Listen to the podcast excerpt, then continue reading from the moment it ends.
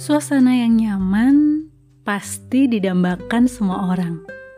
Tapi nyaman itu nggak bisa disepakati. Dipaksa juga nggak bisa dibeli. Kenyamanan dirasakan, dialami oleh masing-masing pihak sehingga menciptakan situasi yang kondusif.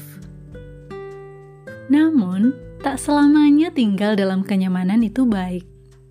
Ada kalanya kita perlu keluar dari zona nyaman untuk bertumbuh dan berkembang.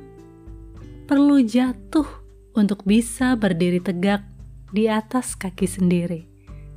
Perlu merasakan gagal untuk menghargai keberhasilan dan lain sebagainya.